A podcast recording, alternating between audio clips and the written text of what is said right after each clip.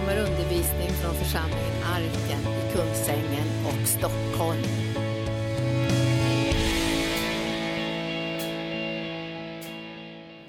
Halleluja, vi välkomnar dig helige Ande att vara verksam bland oss. Att göra orden så levande så att de väcker tro i våra hjärtan. Att vi får en trygghet och en fasthet och en, en stabilitet i livet. Så att vi kan förhärliga ditt namn eh, genom det sätt som vi lever på, det sätt som vi talar på, sätt som vi tänker. Herre. Vi prisar dig för att vi får tillhöra dig och följa dig. Och vi överlåter oss till den här, den här stunden till din heliga Andes ledning. I Jesu namn. Och församlingen sa Halleluja. Tack lovsångare. Jag skjuter den här lite här. Sen kommer jag lite försöka komma centralt hur det nu går till. Man har en viss spridning på oss. Där. Eh, ja. Det händer ju ibland så där när man har gått och tänkt och, och bett så här över en, en, en, ehm, ett möte att, eh, att eh, mötesledaren knycker ens bibelord. Inte ofta, men eh, för jag vet ju ofta inte riktigt vad det är för bibelord, men nu råkade jag veta hur, liksom, vad det var jag tänkte starta med och det var ju liksom från Romarbrevet 12 där. Ja, så. Och du är ju förlåten. Eller är tacksam över att det liksom han har talat igenom det många språkrör och det gör han ju hela tiden. Alltså. Det, här man, vi, vi, vi hör, det är meningen att vi ska egentligen höra tillsammans så att vi kan liksom vara verksamma tillsammans. Så att vi kan sitta ihop utan att vi känner att det här är ju konstigt. Liksom. Varför ska vi gå åt det här hållet? Eller varför ska vi ta itu med den här saken? Eller så där. Eh, därför att vi, vi hör lite olika och vi går omkring och mera tänker lite grann för oss själva. så. Men det är meningen att när, när vi hör från himlen så börjar vi komma på samma spår. Och det, är, det är lite grann av det som jag tänkte tala om ikväll att komma liksom på samma spår. Det är liksom, eh, vi, vi är faktiskt inte kallade liksom att eh, försöka vara unika. Vi är unika, men vi ska vara på samma spår. Det vill säga vi ska gå tillsammans så att hans kropp kan bli synlig och hans, hans gärningar som är hans vilja kan ske genom kroppen. Och då blir det liksom bra om den hör detsamma då, för att annars blir det liksom en kaos i hela maskineriet. Vi kan börja läsa faktiskt från första versen då, då i tolfte kapitlet i Romarbrevet. Så förmanar jag nu er bröder vid Guds barmhärtighet att frambära era kroppar som ett levande och heligt offer som behagar Gud, er andliga gudstjänst. Och anpassa er inte efter den här världen utan låt er förvandlas genom sinnets förnyelse så att ni kan pröva vad som är Guds vilja, det som är gott och fullkomligt och som behagar honom. Ja, det, här är ju liksom, eh, det här är ju så oerhört väsentligt så att man blir ju liksom nästan eh, säga, rädd för, för att här gäller det ju faktiskt att fånga upp den här sanningen ordentligt. Det är inte liksom, det är någonting som han skriver bara för att han skulle ha någonting att skriva. Liksom och så. Han ville liksom bara prata på lite grann och, och känna att man, man hade kontakt. Och där. Utan han har det här budskapet som han har är liksom avgörande för Guds församling. Men det är avgörande för Guds församlings existens. Att om vi inte liksom låter det här ske, att vi, vi kommer in i en överlåtelse och vågar liksom leva tillsammans eh, så, ehm, så kommer vi att eh, inte ha någon framtid och hopp. Och vi kommer inte heller kunna ära Herren liksom genom våra liv. För det ska ske med våra liv tillsammans, att vi prisar och upphöjer honom, hans namn. Och det här är ju sånt där som, eh, som man eh, kanske tänker på då och då. Men de flesta har ju lättare att tänka på liksom Eh, att eh, de har sitt eget liv och eh, de har sin egen livssituation och, och där ska de ta itu med det här och ta itu med det där och, och så ska de liksom leva så som de hör från Herren och, och, när vi träffas så här så säger den ene så här, jag har hört från Herren, jag har hört att man ska gå åt det där hållet. Och sen kommer den andra och säger, ja, jag har hört det här från Herren, jag ska dit. Och, och till slut så springer alla åt vilket håll som helst liksom och, och så tycker man att det är så underbart, vi har hört från Herren. Jag undrar det om Kristi kropp ska hålla på och höra från Herren så där, så här åt alla håll och kanter. Jag undrar om inte det handlar om en utmaning att kunna höra detsamma när man nu ska gå tillsammans och vara en kropp. Och därför så liksom är vi inne i en slags träning för att eh, höra samma sak. Det är inte så att det, liksom, att det är något, liksom något torftigt eller ointressant att höra samma sak. Det är, det är faktiskt riktigt häftigt att man kan höra samma saker från Herren och eh, känna igen hur man faktiskt är på väg åt samma håll. Jag gillar det, så därför jag menar, skojade jag lite grann om att vi hade liksom fått samma, men jag känner att det är ett friskhetstecken. Vi är friska.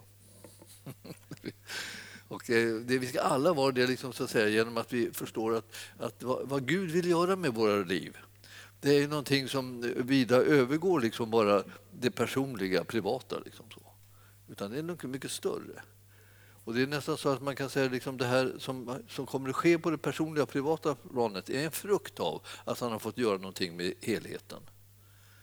Vi tänker ibland att det är precis tvärtom, att vi tänker liksom det enskilda, privata först och sen får vi se om jag orkar vara med om någon helhet eller så bland alla andra. Utan, men Herren så liksom är det så att han har en plan och den här planen är att hans kropp ska bli fungerande. Och han behöver oss allihopa till in i en överlåtelse som gör att kroppen kan bli fungerande. Och när den blir fungerande Eh, då, då börjar vi se liksom vilken funktion har vi då som enskilda individer i den här kroppen. Och det intresserar oss att komma på rätt plats. Och liksom vi överlåter oss till helheten och det stora för att det, för att det här liksom mindre delen också ska bli synligt vad det är för någonting. Och, och då tjänar vi med det här. Och jag tänker därför att det står det i första versen här då att eh, eh vi, han förmanar oss bröder i troende alltså blir förmanade. Vi blir allihopa förmanade av honom och säga vid Guds barmhärtighet att frambära era kroppar. Alltså. Vi liksom ställer till hans förfogande. Eh, och vi ska, det ska vara ett, ett levande och heligt offer och det behagar Gud. Och Det är liksom vår andliga gudstjänst, att vi ställer oss till hans förfogande. Och Det betyder det liksom att, eh, att, att vi går med på att bli förenade. Vi går med på att vara ihop och göra hans vilja. Alltså det, eh, I vår tid så börjar det finnas liksom en, liksom en, någon slags trötthet över att vara med i Guds församling. Man vill göra andra grejer, liksom lite häftiga saker liksom på ett annat håll. Men nu är det ju inte så att det här är frågan om underhållning utan det här är frågan om Herrens vilja. Och han vill först och främst ha en fungerande kropp. För då ska han kunna göra någonting som ska ha betydelse för hela världen. Så det är inte liksom du och jag som, även om vi ibland får för oss någon gång så där, i någon stund av eh, förvirring, att det är vi som ska frälsa världen. Det, det, är vi, om inte, det är vi som ska åka ut överallt, det är vi som ska ta inta hela landet och, och, och så där. Men det är inte det, det är inte vi. För det är ingen av oss som klarar sådana saker. Eh, det är han, men genom sin kropp som är vi. Så när vi låter oss förenas med varandra och tjänar liksom det som är det gemensamma till helheten eh, som är för honom, alltså står vi till hans förfogande så att han har kroppen. Då kan han nå världen. Det är alltid Jesus som ska nå världen. Alltså Jesus för världen. Ja, vi, alla vi som har lite, lite kyrklig bakgrund så här, Eh, kommer genast in på sina salmer Jesus för världen givit sitt liv. Alltså. Det är inte vi som har gett vårt liv för världen, utan det är han. Och det är han som vill vinna hela världen. Och det är han som behöver en kropp för att kunna göra det här arbetet. Och vi är de som säger, här är vi, alltså, vi överlåter oss, här är vi, använd oss Herre. Jag vill jag stå till ditt förfogande. Och ju mer det där börjar ske liksom som en, en verklig sak, inte bara liksom som en liten klyscha, liksom sådär, inte bara som ett litet fint ord, utan som någonting som verkligen brinner i vårt inre. Att vi ska få vara, få vara en del av hans kropp och få vara med om det här oerhörda som han tänker göra, nämligen vinna hela världen. Alltså, Gud vill att alla människor ska bli frälsta. Och eh, vad gör man när man hör det? Jaha, ja, det var ju bra att han vill det. Liksom så. Men alltså, det är ju det, är ju det som är, när, han, när han säger det att han vill att alla människor ska bli frälsta, då fattar du och jag, om vi tänker efter, att det, eh, det, det hänger inte på mig, det hänger på honom. Vad ska jag göra? Jag ska ställa mig till hans förfogande så att han får använda mig på det sättet som han behöver mig. Jag behöver liksom, liksom anmäla mig så att säga, på nytt och på nytt och på nytt in, i, in i, i, till hans tjänst. Jag står där, här är jag, här är jag. Hur ska det här kunna ske? Ja, kan man kan säga på ett sätt. Jag har inte en aning, eller någon aning har jag väl, men alltså, e, egentligen inte i det stora hela någon aning. Jag har ingen aning så att jag skulle kunna göra det utan honom, utan jag kan bara göra det med honom. Det är hans kraft, det är hans tankar, det är hans planer, det är hans möjligheter, det är hans offer som har gjort att hela världen kan bli frälst. Det är han som har gett sitt liv och hans blod som har blivit utgjutet. Så därför så kan vem som helst bli frälst. Så det behövs bara det att de får höra evangelium och så kan de bli frälsta genom att de tar emot Jesus. Och det är egentligen som jag brukar säga ibland, det är, eh, det är en, människor säger ja tack till ett fantastiskt erbjudande om liv, evigt liv. Alltså. Och det kommer det där erbjudandet genom, genom dig och mig, att vi säger vad han har gjort. Och så hör de det och, eh, och så småningom så tar de kanske emot det här och ibland tar de emot det omedelbart och beroende lite grann på eh, hur deras liv är och vad som eh, liksom stör dem i livet. Men för det finns mycket som rubbar en cirklar sådär. Men sen står det här i andra versen så här att, eh, att eh, vi ska inte anpassa oss efter den här världen för då skymmer vi evangelium.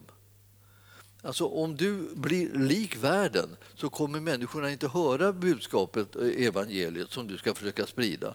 Därför att du står där och skymmer det.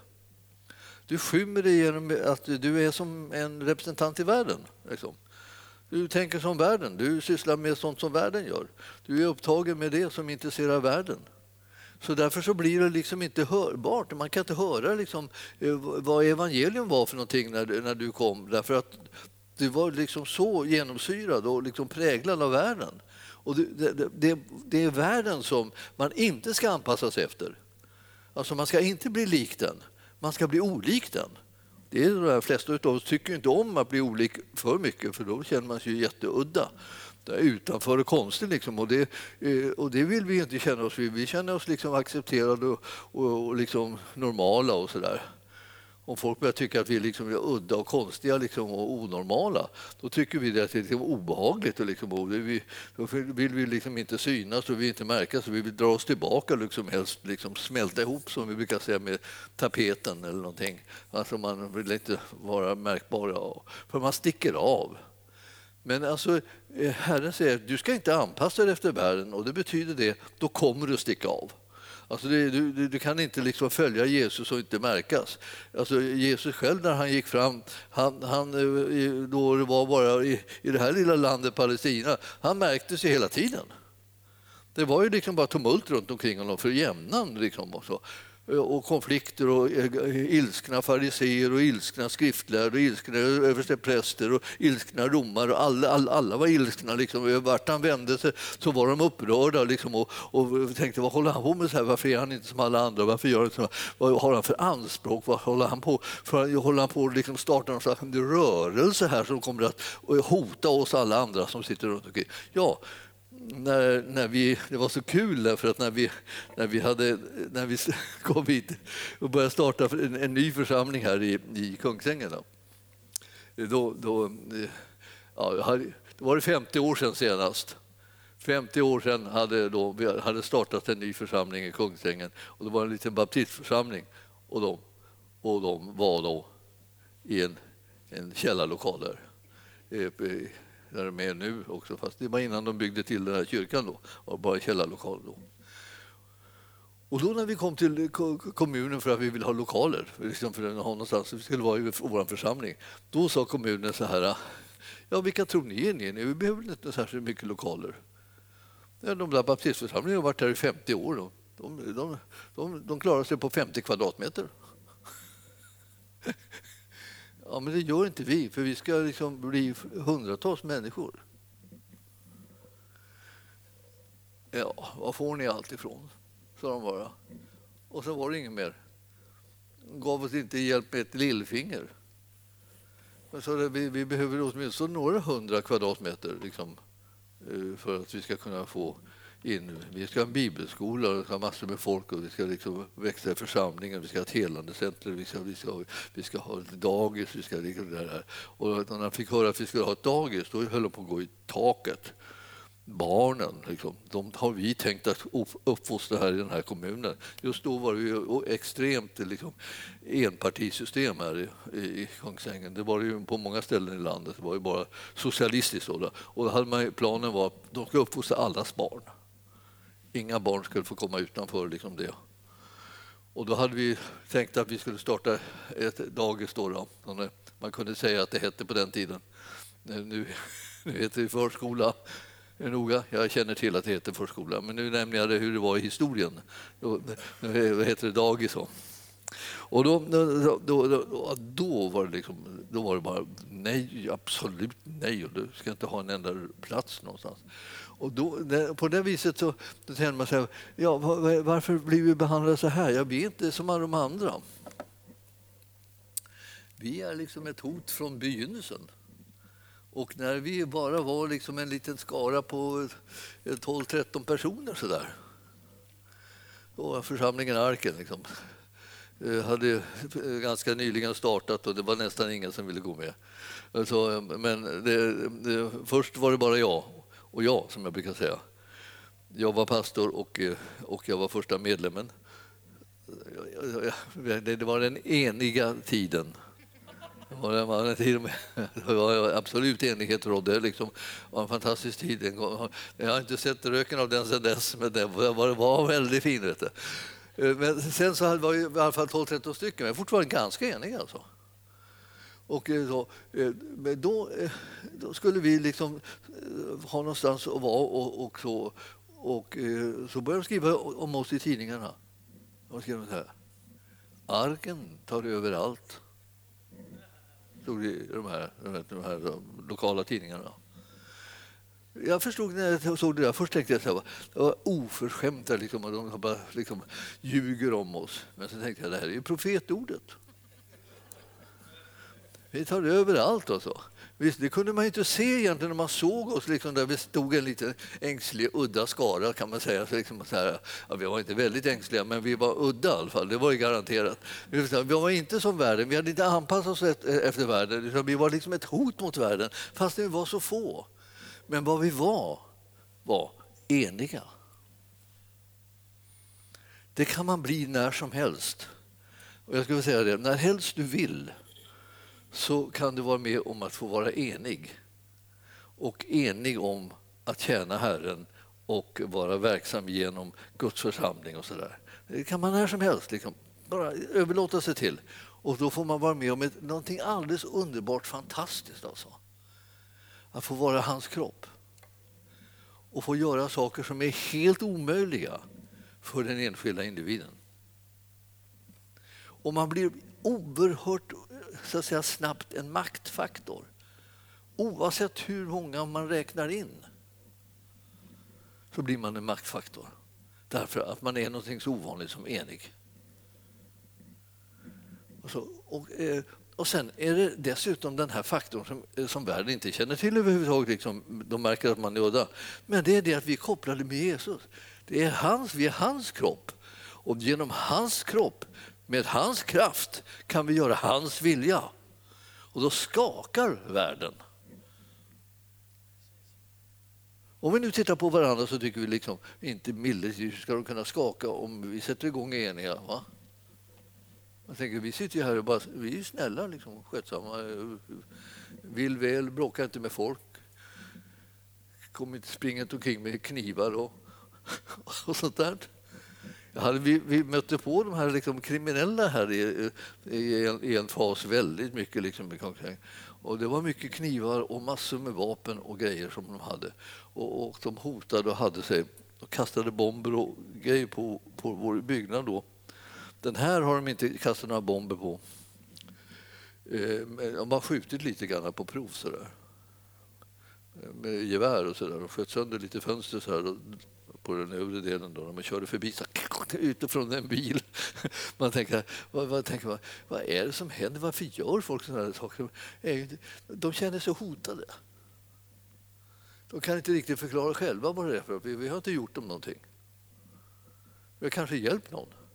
Men plötsligt så är det som att det uppstår liksom en, ett hot och så, så, så anfaller de sådär. Och eh, sen har vi haft massor med sådana grejer, liksom, för, för, först och främst på den sidan. där. Men alltså, vi har varit avvikande.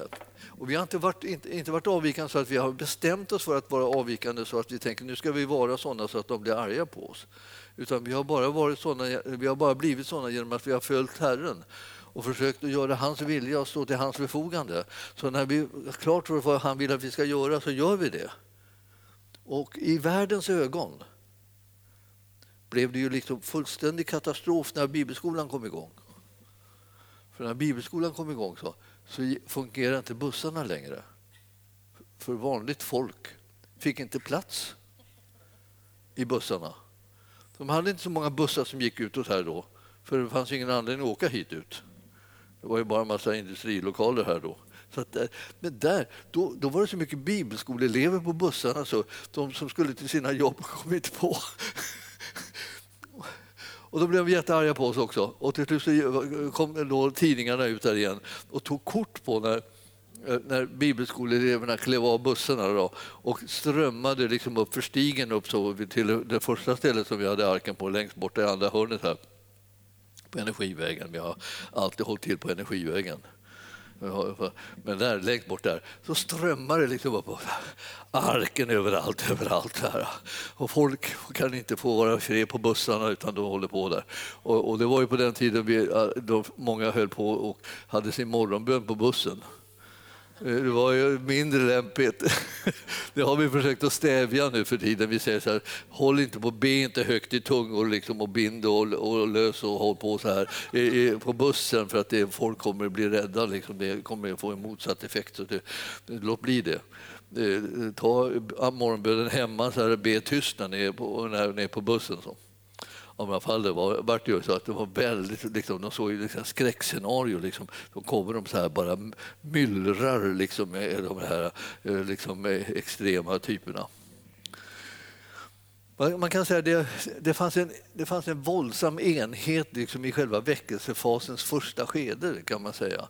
När väckelsen var stark alltså var det så, folk var ju så eniga. De ville bara, de ville bara liksom göra detsamma. De ville lära känna Herren. De ville kasta sig in i saker och ting. De ville vara helt överlåtna och brinnande i sina hjärtan. Och så där. Och jag menar, det finns många som vill det fortfarande. Men, men inte så här liksom alla på en gång på något sätt nu. Utan nu är det liksom mer så där att vi, vi, vi, vi säger så här, det, vi, vi, tror att det kommer en väckelse. Vi tror att det kommer en väckelse. Det är därför att vi vill ha tillbaka den där andan som fanns då.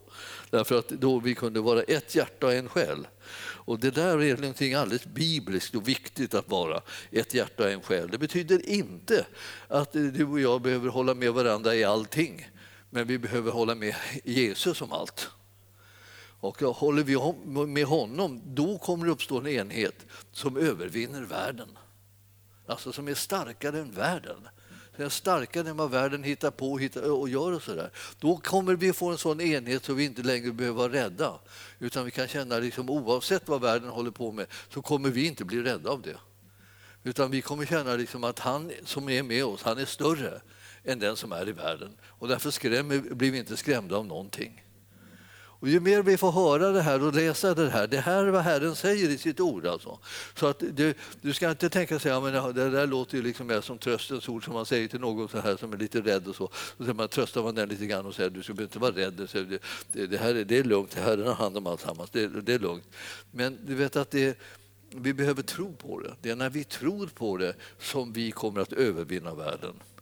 För då, då, när, tron fungerar ungefär som att, att du är sluten så här när du går omkring är rädd. Och så när du får tro genom att du har hört Guds ord, då öppnar du dig. Då kommer, kan han komma in med sin väldiga styrkas kraft. Så att han som bor i dig nu, han är större än den som är i världen. Så när du kommer med den kraften som är i dig, jag menar, då är du bland dem som är, övervinner världen. Och, eh, och fruktan flyttar sig från dig till världen. Det är de som blir rädda för dig, eller oss. Och man kan inte förstå hur de kan bli det. Men, men man, jag menar, de, de, de, tar, de krockar med liksom han som har all makt i himlen och på jorden. Det är fel person att krocka med, ska vi säga. Men ska man krocka med någon ska man krocka med, då i så fall med någon liten om man tänker att man ska kunna vara, göra krocken i lugn. Det är lugnt liksom att krocka med någon som inte, som inte liksom kan försvara sig och det ser man ju att så tänker ju världen. Men, men i oss bor han som är större än världen. Och därför det, blir det en trygghet som du och jag har rätt till och har möjlighet att, liksom att tro på och ta del av som är så härlig. Och därför så kommer, eh, när vi läser de här bibelställena liksom om hur, hur han tänker att vi ska liksom komma samman så att säga. Vi anpassar oss inte efter den här världen utan vi låter oss förvandlas. För nu har vi varit på, liksom på något sätt lika världen. Men nu ska vi förvandlas och det sker genom att sinnet förnyas. Det vill säga vi börjar tänka andra typer av tankar. Och då, var får de tankarna ifrån? Ja, det är de tankar som är, som är Guds tankar som vi lär känna genom ordet. Han talar till oss och sen börjar vi liksom tänka på de här tankarna, de där, de där tankarna som han talar. Och, och så börjar det prägla vårt liv. Så invärtes börjar bli vi som i, i, på själens område förnyas vi. Och så kan vi pröva vad som är Guds vilja, vad som är gott och fullkomligt och som behagar honom. Det vill säga vi kan komma på vad det är. Vi behöver inte liksom, liksom ta miste hela tiden. Jag känner det, liksom, det finns en enda liksom, trygg faktor som gör att du och jag inte behöver missta oss med vad är det som är Guds vilja? Vad vill han egentligen med mitt liv? Vad är, vad är det vi ska göra tillsammans? Jag förstår inte, jag vet inte, jag kan inte, jag fattar ingenting. Så här. Vad är det som gör att det där ska kunna upphöra att vara, att vara så vilset? Jo, det är det att vi känner till hans vilja från ordet. Då vet vi liksom vad det är för någonting som är hans vilja. Vi kan kolla upp det och, och det gör att vi vet när vi tror på honom och vad han tänker göra, då blir vi plötsligt ett med varandra och det blir en väldig styrka liksom i det här tillsammans. Och Det är det som Herren vill att du och jag ska upptäcka ihop. Att vi får vara med om någonting som är mycket starkare än världen. Som inte liksom tänker att oh, man, får, man får stå ut, man får hanka sig fram, och man får kämpa på, man får bita ihop. Och, och vi har tusen sådana uttryck liksom, som, som handlar om att, liksom, att man, ska, man försöker ta sig samman och man ska man tänker så här, ja, vi ska inte ge upp och vi, vi, vi ska inte klaga ändå. Och så där. Liksom, men, men man får ligga lågt och man får, man, får inte, man får inte reta någon så att den blir arg på en på något vis eller, eller störa någon så de liksom börjar bråka med en. Och så. Men man, man, man smyger omkring i tillvaron.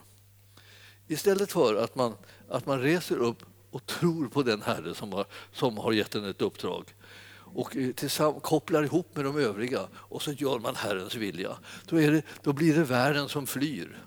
Precis som det är, som vi har talat om på, på sistone lite grann så här. Vad, vad, vad händer liksom när vi står djävulen emot? Han måste fly ifrån oss. Det är en så fantastisk insikt som man kan få där. Att djävulen måste fly från oss. Han, han har inget val. Han klarar inte av att göra någonting annat när, när du står honom emot. Stå honom emot, står det. Och så står det en sak till. Fast i tron så måste han fly. Alltså jag, jag, tycker att det, det, där är ju suveränt. Det är en information som vi absolut liksom måste slå vakt om. Annars så kommer vi fly så fort det blir någonting. Och det blir så, och det blir så svårt, det blir, och det blir så attackerad, attackerad. Och folk kommer så att åh, djävulen håller på med det här, djävulen håller på med det Jag kan säga, vad är det för prat djävulen håller på med? Det är vad han håller på med. Vad håller Gud på med? Har du en aning om vad Gud håller på med? Liksom, om, om du börjar tänka på vad Gud håller på med så skulle du säga så här, då blir du inte rädd. Men om du tänker på vad djävulen håller på med hela tiden så blir du ju rädd för nästan snart allting. Det är inte djävulen som har makten i, den här världen. I vårt, där vi är, i, där vi är, där råder Guds rike. Där är det han som har makten och djävulen måste fly när vi står honom emot. Och vi är till för att komma samman och uppmuntra varandra och säga kom ihåg nu då att du ska stå honom emot. Det är då som han måste fly. Så du vet det. liksom så här. Och glöm inte det och kom ihåg det nu också och kom ihåg det om en liten stund också. Så ska du komma ihåg det här och så ska du stå honom emot och så flyr han. Och så peppar vi sig varandra med insikten och kunskapen om det gemensamma som vi har läst i skriften, nämligen vad Herren har sagt gäller för oss. Och det gäller för oss att, att vi är de som är övervinnare i den här världen. Vi är huvud och inte svans, vi är över och inte under, vi är allt det här som man bekänner sig till. Som man behöver bekänna sig till därför att vi glömmer det jämt. Därför att våra sinnen registrerar vad som finns i omständigheterna istället för att registrera det som är den andliga verkligheten. Den andliga verkligheten liksom syns ju inte lika lätt som omständigheterna. Omständigheterna bara dånar kring en hela tiden. Så man tappar liksom balansen och börjar, börjar titta på dem och tänka med dem och räkna med dem. Och så här. När man i själva verket ska räkna med Herren. Så det är han som har all makt. Det är han som kan göra, förändra omständigheter. Han är inte imponerad av dem, liksom, utan han förändrar dem. Så därför när det står det så här, pröva, vad vi kan göra är när vi har blivit förnyade i sinnet, jo, då kan vi pröva, det vill säga eh, räkna ut kan ska vi säga, och testa vad det är som är Guds vilja egentligen. Det, alltså vad det är som egentligen är gott och vad som är fullkomligt och vad som behagar honom. Det kan du och jag räkna ut när vi, när, när vi har fått vara med om den här förändringen, eh, att, eh, alltså, en förnyelse utav sinnet. Alltså. Då kommer vi börja kunna känna igen det här är ju det som är egentligen eh, eh, som, som är från Herren. Det här, om ni, hör, ni kommer ihåg det här, det här är typiskt Herren, säger någon. Och så kanske man håller med om det fast man inte, fast man inte egentligen inser det, hur, det, hur det är. Vad då typiskt Herren? Eh, jag förstår, du menar att det här är Herren? Ja. Jaha, jag förstår att du menar det. Och jag vill också gärna att det är Herren, så jag håller med om att det är Herren. Så här. Men är det så att beror det på att jag har fått mitt sinne förnyat så att jag känner igen vad det är som är gott och vad som är fullkomligt och, och, och vad som är, liksom är från Gud? Alltså, är det så att jag känner igen det? Om jag känner igen det, då är det här en oerhörd styrka. Om jag inte känner igen det utan bara håller med någon för att liksom vara snäll, då är det inte någon jättestor styrka. Det är fortfarande liksom visserligen rätt, men det är fort, inte riktigt någon styrka. För den håller inte när jag är ensam. Den måste också hålla när jag är ensam. Alltså när jag är ensam så, så håller det här att jag, jag, känner igen vad det är som är från Gud. Och jag, jag, jag blir, jag kan resa på mig liksom, eh, vad säger jag, fastän jag sitter, om vi säger så, eller ligger, så, så kan jag resa på mig invärtes liksom när jag märker att det här, nu är någon attack så här på gång ifrån mörkret och jag vill inte att mörkret ska ha någon framgång eller ingång i det, i det, i det område där jag befinner mig. Så jag reser på mig på insidan och står honom emot. Och han måste fly från mig. Ja, om jag vet det och har tro på den där delen, då är det precis det han gör. Han har inte ett val då som vi tror att ah, han vill inte fly. Han säger att han inte vill fly. Ja, men vad, vad behöver du bry dig om det? Det är inte han som bestämmer. Ja, men han vill inte. ja, men, det är bara så här, om när du står honom emot så är det Gud som backar upp att då blir han tvungen att flytta på sig. Och det är inte någon så att säga, oavgjord kamp eller någon slags brottningskamp mellan Gud och djävulen. Så här, och de brottas som milde det ser ut som att djävulen vinner här. Hoppsan, hoppsan, hoppsan liksom, hjälp han, nu vinner han. Hur ska det gå, hur ska det gå, hur ska det gå? Saken är redan klar. Jesus har redan trampat synden, döden, djävulen under sina fötter. Saken är redan klar. Han har besegrat honom. så att det är frågan om bara, har du hört det? Tror du på det? Är det det som du påminner honom om när, när de här situationerna uppkommer? När han försöker ljuga för dig att jag har fortfarande makten, du ska inte tro att du kommer undan. Och så, och hjälp, jag tänk om jag inte kommer undan. Ja, men det är redan klart. Jesus har redan vunnit segern. Det är, det är honom som vi proklamerar. Hans seger proklamerar vi och predikar om honom. Och Det gör det att du och jag kan stå honom emot så i tron att han inte har något val än att ge sig iväg. Jag önskar att Guds folk liksom ska kunna vara medvetet troende på den seger som Jesus har vunnit. Den betyder att fienden inte längre har någon makt in i våra liv. Och det här är liksom inte, eh, alltså jag vet att det inte sker på ett nafs bara för att jag säger det. Men jag menar genom bibelläsning och eh, bekännelsen av ordet så kommer vi att så småningom bygga upp vår tro så att det som Guds ord säger, det är det också som vi kommer att få som erfarenheter. Vi kommer inte bara få massa eländes erfarenheter av att djävulen härjar överallt utan vi kommer få e- erfarenheter av att det är Gud som råder överallt där vi, vi är därför att där släpper vi in honom. Där välkomnar vi honom, där öppnar vi våra hjärtan för honom, där bekänner vi till oss till hans vilja och hans ord och hans sanning. Där tar vi emot honom med glädje, där tror vi på det som han har gjort och det som han har sagt genom sin son och vi står emot fienden så att han måste fly bort ifrån oss. Då utbredes Guds rike. Och då finns det befriade områden dit människor kan ta sin tillflykt. Och det är det med. Och församlingen är, sånt, en sån plats. Alltså. Så om, man, om man tror att inte församlingen är så nödvändig kan jag tala för det, det är precis tvärtom. Det är hur nödvändigt som helst. Vem kan påstå att, att församlingen inte är nödvändig? Ja, det kan bara djävulen och hans vänner göra. Och vi är inte hans vänner. Vi är hans fiender och vi står honom emot. Han blir tvungen att fly. Och lögnen får han ta med sig. För Guds församling är den viktigaste faktorn som finns. Det är Kristi kropp verksam i den här världen.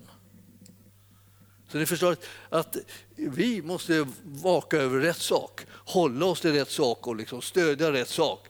För att annars så kommer, kommer liksom det bli lögnen som kommer att segra istället för att det blir det sanningen som segrar genom Jesus Kristus. Han säger liksom, presenterar sig för oss och talar om för oss det är jag som är sanningen. Det är jag som är vägen, det är jag som är livet, säger Jesus till oss. När jag säger det undrar han, får ni tag i det? Att det är jag som är det. Det är inte lögnerna som är sanning. Utan det är han, Jesus Kristus, som är sanningen. Det är det som du och jag behöver hålla tag i. När vi håller tag i det, då blir det liksom en helt annan fråga. det här. Då, då, då, då, är det, då är utvägarna helt klara och tydliga. Då blir det inte bara att vi går och hoppas att det ska liksom ordna sig eller släppa eller, liksom, eller sluta, dumheterna ska sluta eller sådär. Utan vi vet vem som har vunnit segern och därför så om inte gör vi också djävulens gärningar. Eh, det är en, jag kanske har berättat det, jag brukar ha berättat det flesta. Alltså, man har bara ett liv, så när man ska berätta någonting från sitt liv så blir det ju inte så jättemycket. Men det räcker inte till hur många predikningar som helst utan det liksom, de kommer tillbaka. Liksom.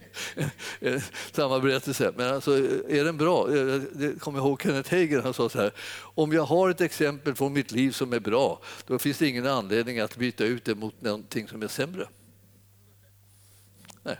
Så då kan man köra det samma, samma då, då. Ja, det tänkte jag. Det var genialiskt. Det precis passar mig. Jag har också bara ett liv och, liksom, och det, det finns det bra exempel någonstans, ja då, då tar vi det. Så det här, det här liksom att, att hålla på med, med eh, förkunnelse och få, få till exempel. Liksom. Det, det, det, det, Herren röstar med exempel som man kan ta om och om, och om igen eh, för att det, liksom ska stärka tron. Och då stod jag där en, en, en, en dag på Öland i det här tältet det här som eh, man har där på den här stora campingen som eh, pingstvännerna eh, hade förr. Nu vet jag inte vem det är som äger den, men någon är det väl. I alla fall, och då stod jag där och så var det möte då, och så stod jag och så hade jag gått fram och så skulle jag, stod jag där och, och, och jag var en liten luthersk präst som var ganska liksom, Eh, trött på något sätt på liksom att allt motstånd och allt, allt, allt bråk, allt krångel som var liksom i kyrkan. Där och, så. och jag kände, ja, ja, så stod jag där och tänkte så här, vad ska, vad ska, vad ska jag ta mig till? Liksom? Alltså, djävulen bara härjar överallt. Vad ska jag ta mig till? Liksom? Så stod jag och tänkte, de kanske kan befria mig på något sätt eller göra någonting så. så jag klev fram i alla fall och ställde mig där och tänkte, får, gör, gör, gör vad du vill. Jag, menar, jag vill helst att det blir någonting så jag, jag, jag blir, blir, fri från de här liksom eh, eviga attackerna. Ja, så stod jag där då och plötsligt så tornade djävulen upp sig något alldeles fruktansvärt. Så att han blev som, nästan som ett, han gick ända upp i, i taket eller på, på, på, på tältet. Liksom, så. Liksom, han bara, han, jag vet inte på vilket sätt som jag såg honom, men han bara, han bara var jättestor. Eh, och sen så, så hörde jag Herren, Herren säga du har fel bild av djävulen. Så här stor är han, sa han. Och då sa det liksom tjopp så här. Så den här jätte, jättelika djävulen som stod där framför mig och liksom skymde nästan allting. Han for med en blixtens hastighet rakt ner i sågspånen. Och jag kunde inte ens se honom. Så där stod är han, sa, sa, sa. Jag fick ett skrattanfall. Jag skrattade så fruktansvärt att jag på att trilla omkull. Alltså, och det spred sig liksom i hela, hela, hela tältet där. Det är ett skratt. Folk skrattade och de tjöt av skratt. Det var, alltså, det var inte på den tiden då vi skrattade så mycket. Det var, det var en tung tid. Det var lite mer allvarsamt. Allting var lite mer allvarsamt och tungt. Sådär. Men vi skrattade så att alltså, när jag så småningom kravlade mig upp liksom, ur liksom, sågspånen och upp på stolen där och försökte liksom igen, då, då kände jag så här. Jag är fri. Jag är fri. Jag behövde liksom se att han var inte så som han beskrev sig själv. Han är sån som Herren säger att han är. Och det är jag också. Alltså, jag är sån som Herren säger att jag är. Och det är du med. Så du behöver veta vad han säger att du är. För sån är du. Och därför är du en, en övervinnare och mörkret kommer inte att få makt med dig.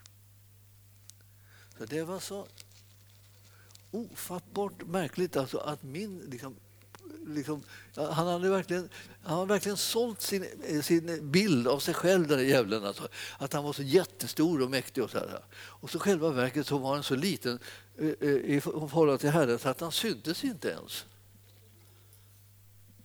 Vilken katastrof för hans image. Jag ville liksom gå omkring och tycka att han var mäktig och så var det ingen som såg honom. Liksom. Han gick omkring och liksom, eh, kröp där mellan sågspånen och blev inte synlig hur han än gjorde. Liksom, därför att, han, så liten var han. Jag, jag, alltså, jag, blev, jag blev, kände mig upprättad av att jag visste hur liten han var och samtidigt visste hur stor, mäktig Herren var som kunde liksom ta och krympa han ett ögonblick så här till den rätta proportionen så att hans lögner liksom försvann och sanningen kom i dagen. Det vill säga, och då var det inte djävulen som var stor utan då var Herren som var det. Ni förstår, jag, jag, kan, jag kan säga det, det betyder så jättemycket att vi får tag i rätt saker. Att vi tänker på rätt saker, att vi bekänner oss till rätt saker, att vi håller fast vid det som Herren har gjort för oss och den seger som är vunnen. För det får sådana konsekvenser i ditt och mitt liv så att vi kommer få förvandlade liv av det. Vi börjar kunna tänka andra tankar, vi börjar kunna göra andra saker. Vi börjar kunna säga ja till Herren när han ber oss att göra saker därför att vi har inte räknat bort oss själva utan han räknar med oss och det räcker. För saker och ting ska göras i hans väldiga kraft och inte i någonting annat. Det är, inte, det är inte vi som är lösningen egentligen, utan det är han som är lösningen, men det är genom oss. Och han är till och med mäktig att använda oss. Och jag tänker att det, det, det tröstar mig liksom att jag tänker att ja, men han, är, han, är, han är mäktig att använda mig också. Och han är mäktig att använda dig. Och det är hans makt som är den enda begränsningen i det här och den är gränslös. Och det här, nu ska vi titta i, i Filipperbrevet eh, också, eh, Filipperbrevet 2. Ja, jag är 2-2 eh, i Filipperbrevet. ska vi titta. Eh, har du Bibeln så slår du upp det där. då. Filipperbrevet 2. Jag har lärt mig att man ska slå upp bibelställen jämt. Så fort någon nämner ett bibelställe, slå upp det. Det här är eh,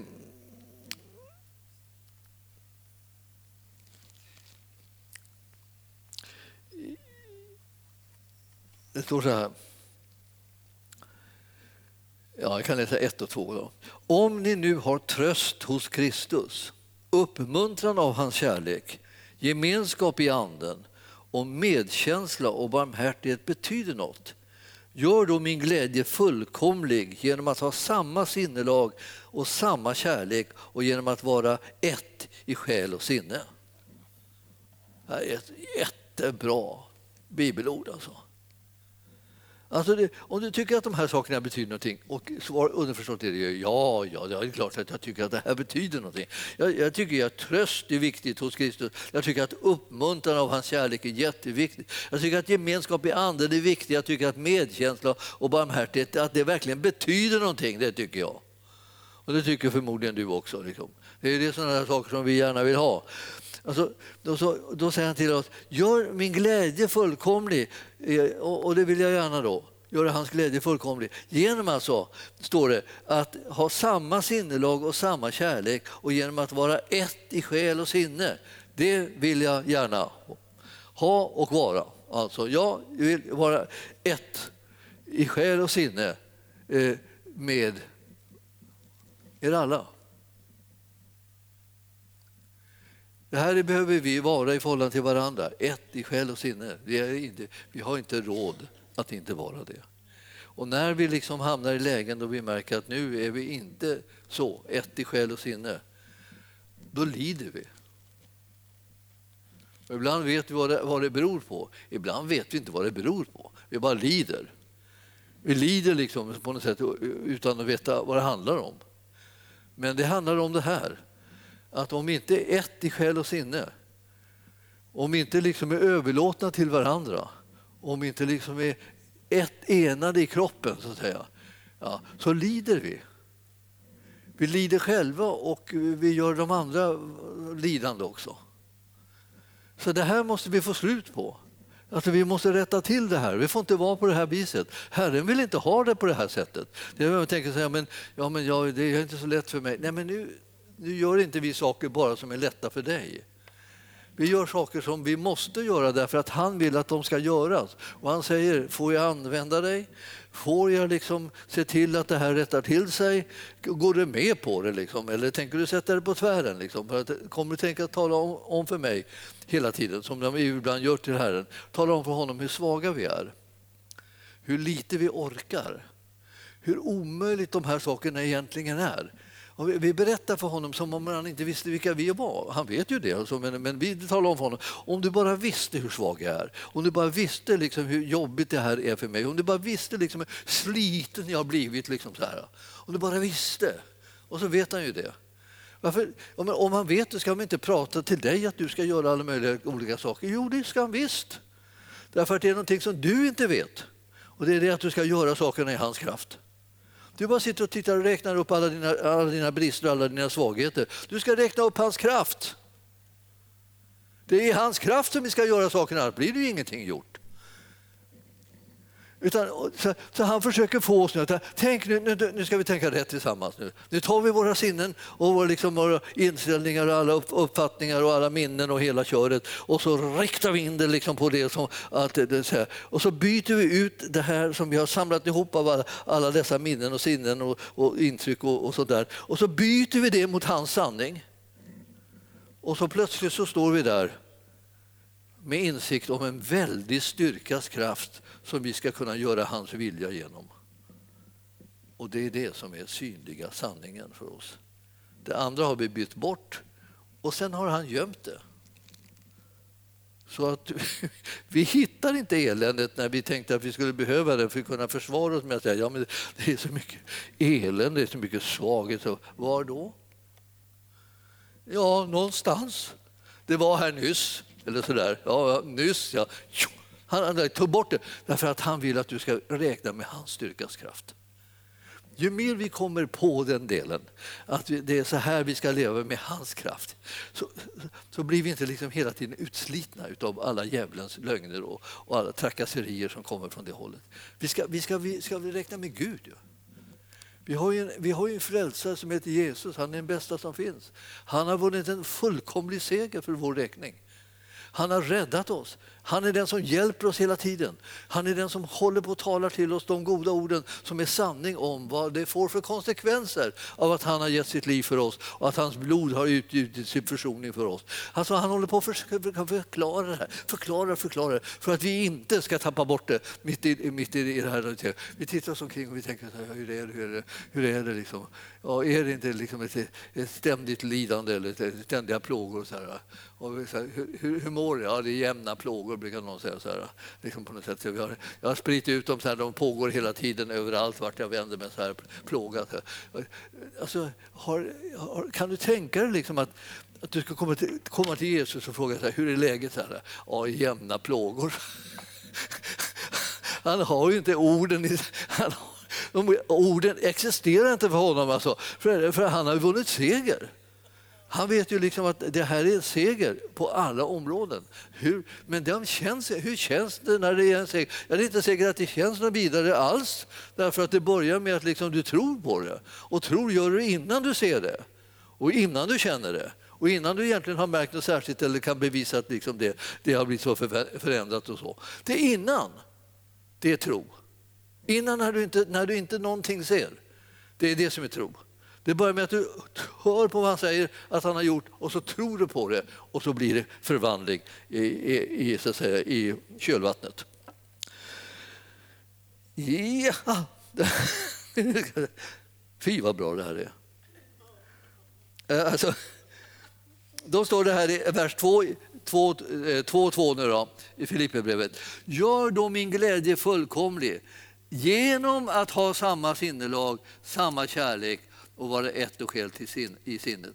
Förstår ni vad det betyder? Alltså, att vi kan göra hans glädje fullkomlig genom att vi väljer att vara, ha samma sinnelag, samma kärlek och vara ett i själ och sinne. Vi kan göra hans glädje fullkomlig. Alltså, ja, man tänker inte så ofta på att man skulle kunna göra Herren glad. Alltså, det är mest han som gör mig glad. Eller? Alltså, man önskar att man kunde göra honom glad. Men man, man tänker att ja, det mesta som jag åstadkommer blir väl inte så mycket med eller så. Han kan väl inte bli så där jätteglad, men han, är, han, han kanske har lite, lite bättre humör om jag liksom har lyckats med någonting. Eller så där. Men du förstår att det, hans, hans glädje sitter inte där, den sitter i det här. Eh, som, hur, hur blir då här, han, hur blir hans glädje fullkomlig? Ni vet, be och ni ska få för att er glädje ska bli fullkomlig. Ja, det var min och din glädje. Vi, vi kan få fullkomlig glädje, men hur får han glädje då? Ja, han får glädje, står det här, eh, genom, eh, alltså, han får fullkomlig glädje genom att, att, eh, att vi har samma sinnelag, samma kärlek och genom att vi är ett i själ och sinne. Det, då blir hans glädje fullkomlig. Vi kan göra hans glädje fullkomlig. Och jag vill säga till er, låt oss göra det. Göra hans glädje fullkomlig. För att det här är ju så underbart, det eh, som blir konsekvensen. Och konsekvensen är egentligen det där som står i första också, eh, versen. Konsekvensen för oss är att vi får del av det här med trösten och barmhärtigheten och kärleken. Och det här. Det liksom blir konsekvensen för oss. Konsekvensen för honom blir att han blir glad. Vi förstår att vi, har vi kan göra, liksom, sätta igång och skapa liksom en, en, en förnyad relation. Ni vet, när, man vill, när man har trassligt med relationerna behöver man ibland göra någon slags eh, insats liksom, för att eh, man måste liksom betala ett pris för att det ska, relationen ska bli bättre. Man måste, det kostar en någonting. Då, då. Och det gör det också liksom i relationen med Herren. så här Att den ömsesidiga liksom relationen som vi har, att den ska bli bättre. För då förväntas det liksom en, en insats från vår sida. Och vår, vår sida är att vi tror på den insats han har gett när han har gett sitt liv för oss. Vi sätter tro till hans gärning och när vi tror på den eh, och, och räknar med att det här som, som, eh, som Herren vill se i våra liv, att det verkligen är liksom någonting som, som, som kommer oss till del. Alltså. Och då bereder det glädje hos honom och eh, hos oss så blir, blir, blir, blir superhärligt det här. Då får vi tröst hos Kristus, då får vi uppmuntran av hans kärlek, då får vi gemenskap i anden, får vi uppleva medkänsla och barmhärtighet. Ja, och det betyder allt för oss att det får vara så.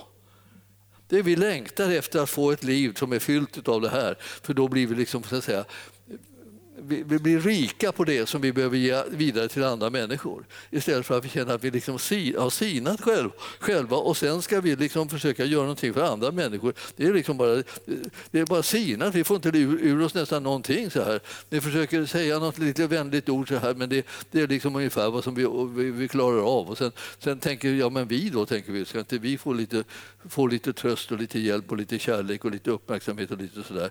Ja men det är precis det här som man får om man gör, går på Herrens väg till det, så kommer han att ge dig allt det här som du behöver.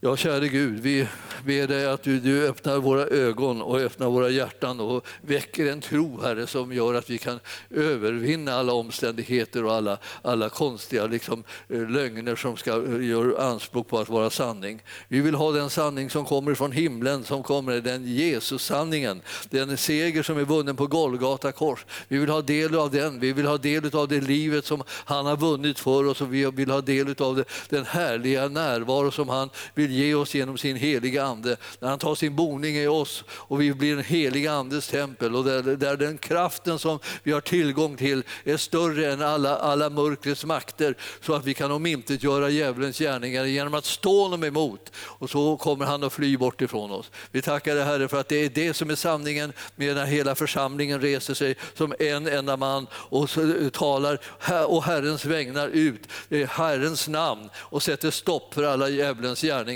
och alla djävulens lögner. Jag prisar dig Herre för att du ska låta oss få en förnimmelse av att vi reser oss, att vi vinner seger, att vi står som en pelare i Guds församling och håller uppe det som du har velat bygga och göra och få fungerande, nämligen din egen kropp. Vi prisar dig för att vi får vara med i den här församlingen som får vara din representant på, på, och göra din vilja. Och vi prisar dig för alla församlingar som finns i hela landet som, som bejakar det som du har planerat för dem och, och går in i det som du har förberett för dem och kommer och reser sig upp och är, är liksom en riktig kraft och maktfaktor i det här landet så att människor kan bli frälsta och räddade ut ur, ur den ondes våld. Tack Jesus för att vi får tjäna tillsammans med alla de som överlåter sig och älskar dig i Jesu namn. Och församlingen sa Amen. Halleluja.